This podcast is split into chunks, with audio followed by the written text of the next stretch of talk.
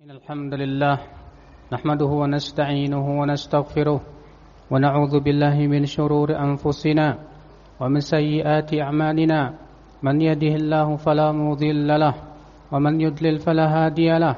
وأشهد أن لا إله إلا الله وحده لا شريك له. وأشهد أن محمدا عبده ورسوله.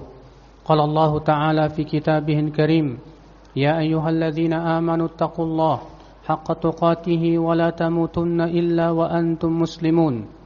وقال تعالى يا أيها الناس اعبدوا ربكم يا, يا, يا أيها الناس اعبدوا ربكم الذي خلقكم من نفس واحدة وخلق منها زوجها وبث منهما رجالا كثيرا ونساء واتقوا الله الذي تساءلون به والأرحم إن الله كان عليكم رقيبا. وقال تعالى يا أيها الذين آمنوا اتقوا الله وقولوا قولا سديدا يصلح لكم أعمالكم ويغفر لكم ذنوبكم ومن يطع الله ورسوله فقد فاز فوزا عظيما. أما بعد فإن أصدق الحديث كتاب الله وخير الهدي هدي محمد صلى الله عليه وسلم وشر الأمور محدثاتها وكل محدثة بدعة وكل بدعة ضلالة وكل ضلالة في النار أمة الإسلام Sesungguhnya di antara perkara yang Nabi Shallallahu Alaihi Wasallam khawatirkan atas umatnya, yaitu syahawatul ghay, syahwat yang menyesatkan fi butunikum wa furujikum di perut-perut kalian dan kemaluan-kemaluan kalian. Demikian pula Nabi Shallallahu Alaihi Wasallam mengkhawatirkan umatnya mengikuti hawa nafsunya. Nabi Shallallahu Alaihi Wasallam mengatakan salah minal muhlikat tiga perkara yang membinasakan di antaranya yaitu ittiba'ul hawa mengikuti hawa nafsu. Bahkan Allah Subhanahu wa taala di dalam Al-Qur'an mencela hawa nafsu dalam ayat-ayat yang banyak. Allah Subhanahu wa taala menyatakan bahwa manusia yang paling sesat di dunia adalah yang mengikuti hawa nafsunya. Allah berfirman, "Wa man adallu mimman ittaba'a hawahu bighairi hudan minallah."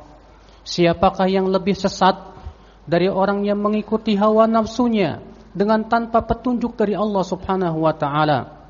Di sini dalam ayat ini Allah menyatakan bahwa tidak ada yang lebih sesat dari orang yang mengikuti hawa nafsu. Karena orang-orang yang mengikuti hawa nafsunya saudaraku, ia akan disesatkan di atas keilmuan.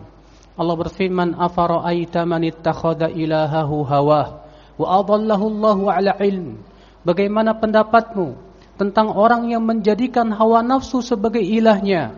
Maka Allah pun sesatkan ia di atas keilmuan. Maksudnya, telah sampai kepadanya ilmu dan dia sudah tahu tentang kebenaran, tapi ia tidak mengikuti kebenaran karena lebih mengikuti hawa nafsunya. Oleh karena itulah ya akal Islam, seorang penuntut ilmu ketika hatinya dipenuhi oleh hawa nafsu, maka menjadikan ilmunya tidak bermanfaat. Lihatlah bagaimana Allah menceritakan si Bal'am. Allah Ta'ala berfirman, Watsulu alaihim naba alladhi atainahu ayatina fansalakha minha فأتبعه الشيطان فكان من الغاوين ولو شئنا لرفعناه بها walakinnahu akhlada ilal ardi wattaba'a hawah. Bacakan kepada mereka tentang berita orang yang telah kami ajarkan ayat-ayat kami. Lalu ia lepas dari ayat-ayat kami tersebut, lalu setan pun mengikutinya. Jadilah ia menjadi orang-orang yang tersesat. Kalaulah kami kehendaki, kami akan muliakan ia. Kami akan angkat derajatnya dengan ayat-ayat kami tersebut. Akan tetapi kata Allah, ia condong kepada dunia dan mengikuti hawa nafsunya. Lihatlah saudaraku, ilmu pun menjadi tidak bermanfaat ketika hati kita diselimuti oleh hawa nafsu. Ketika kita lebih memperturutkan hawa nafsu, maka dari itulah saudara-saudaraku sekalian, siapa pun di antara kita yang ingin menjadi hamba-hamba yang taslim, hamba-hamba yang senantiasa tunduk kepada Allah dan Rasulnya, dia wajib membuang hawa nafsunya. Dia wajib menjadikan hawa nafsunya tunduk kepada keinginan Allah dan Rasulnya. Tidak mungkin seorang hamba tunduk dan patuh dengan sempurna kecuali dengan mengalahkan hawa nafsunya. Tapi ketika hawa nafsu itu telah mengalahkan ilmunya, telah mengalahkan dirinya, telah mengalahkan akalnya, maka ia akan menjadi bagaikan binatang ternak saudaraku. Makanya si Ba'lam itu diberi, diberikan oleh Allah perumpamaan apa? Allah mengatakan famathaluhu kamathalil kalb in tahmil alaihi yalhaz atau tatruku yalhaz. Perumpamaan orang seperti ini seperti anjing yang kalau kamu halau ia atau kamu biarkan ia, ia akan tetap menjulurkan lidahnya. Subhanallah. Demikianlah Allah memberikan perumpamaan untuk orang yang mengikuti hawa nafsunya. Bagaikan anjing yang menjulurkan lidahnya karena saking mengikuti hawa nafsunya. Dan Nabi Shallallahu Alaihi Wasallam mengabarkan akan munculnya di dalam umat Islam banyak orang yang mengikuti hawa nafsunya. Kata Rasulullah sallallahu alaihi wasallam, "Tsumma ya'ti aqwamun tatajara fihimul ahwa kama yatajaral kalabu li sahibihi."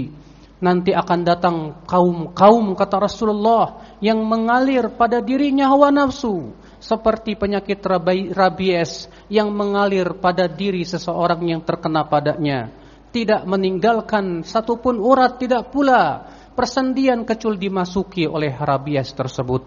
Saudara-saudaraku sekalian. Lalu apa tanda orang yang mengikuti hawa nafsu?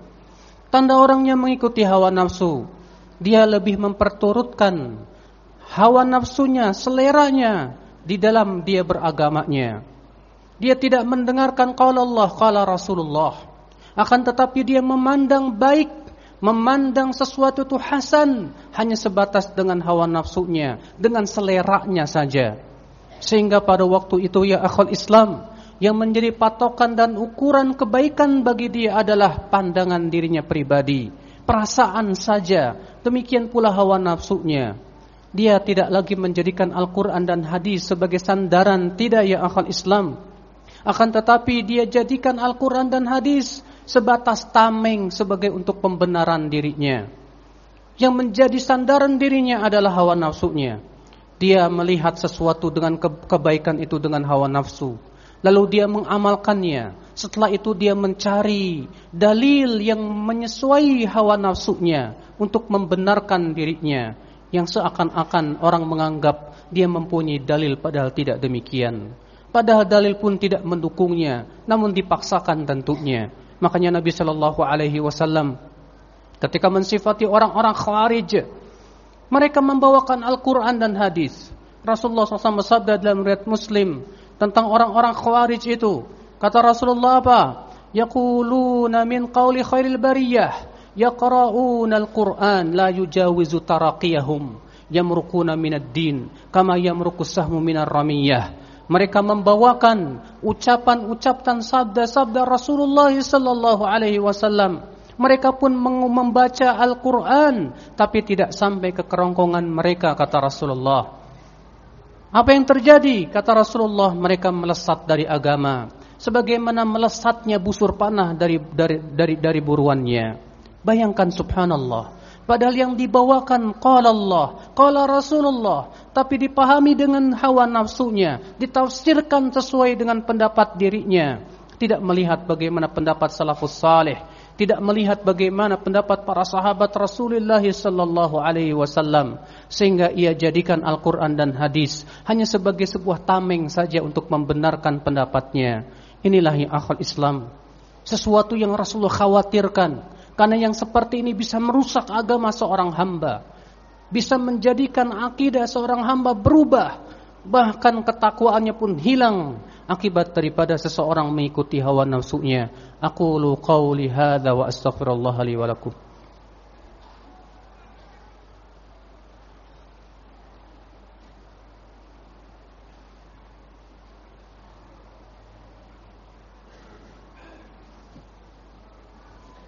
الحمد لله والصلاة والسلام على رسول الله نبينا محمد وآله وصحبه ومن والاه وأشهد أن لا إله إلا الله وحده لا شريك له وأشهد أن محمدا عبده ورسوله أمة الإسلام Seorang mukmin berusaha bagaimana hawa nafsunya sesuai dengan keinginan Allah dan Rasulnya. Ia berusaha untuk menjadikan Al-Quran dan hadis sebagai parameter dirinya, dia selalu berpikir, apakah ucapannya, perbuatannya, amalannya sesuai dengan dalil dari kitabullah dan sunnah Rasulullah sallallahu alaihi wasallam. Ia berusaha untuk mencari dalil. Ia berusaha untuk menjadikan Al-Quran dan hadis sebagai imamnya ketika ia mendapatkan dalil yang tidak sesuai dengan apa yang dia yakini selama ini dia tinggalkan keyakinannya tersebut karena mengikuti dalil itulah yang akhwat Islam ciri bahwa dia memang pengikut dalil dia pengikut Rasul sallallahu alaihi wasallam bukan pengikut hawa nafsu sehingga pada waktu itu dia selalu memeriksa setiap perbuatan dan amalan dia dalam masalah din, dalam masalah agama ini. Apakah sesuai dengan qala Allah dan qala Rasulullah sallallahu alaihi wasallam. Ini dia Abdullah bin Mubarak, seorang ulama salaf terdahulu. Ketika beliau tersesat di sebuah perjalanan di padang pasir, beliau mendapatkan sebuah berita, sebuah kabar dari Nabi sallallahu alaihi wasallam bahwasanya apabila seseorang dari kalian tersesat di sebuah padang pasir, maka panggillah, panggillah para penunggu padang pasir itu. Niscaya mereka akan menuntunmu ke jalan yang yang yang benar. Maka kemudian Abdullah bin Barak berkata, maka aku coba cari-cari hadis tersebut untuk aku lihat sanatnya, apakah sahih atau tidak. Lihat Abdullah bin Mubarak, beliau tidak berani mengamalkan dulu ketika mendengar hadis tersebut sampai beliau periksa dulu apakah sahih atau tidak. Inilah yang akal Islam, tanda orang yang hatinya selamat kata Al-Imam Ibnu Qayyim rahimahullah. Tanda orang yang hatinya selamat yaitu dia lebih semangat untuk meluruskan amalannya daripada amalan tersebut. Dia berusaha untuk memeriksa dan mengoreksi apakah ada hadisnya, ada hujahnya, ada dalilnya atau tidak. Bagaimana pemahamannya sesuaikah dengan pemahaman salafus saleh atau tidak? Apabila ia sudah memastikan akan kebenaran dan kesahihannya, baru ia amalkan. Berbeda dengan pengikut hawa nafsu, ia amalkan terlebih dahulu apa yang sesuai dengan seleranya, lalu kemudian ia mencari-cari pembenaran. Na'udzubillah, nas'alullah salamata wal afiyah. Allah malaikatahu salluna ala nabi. Allahumma salli ala Muhammad wa ala ali Muhammad.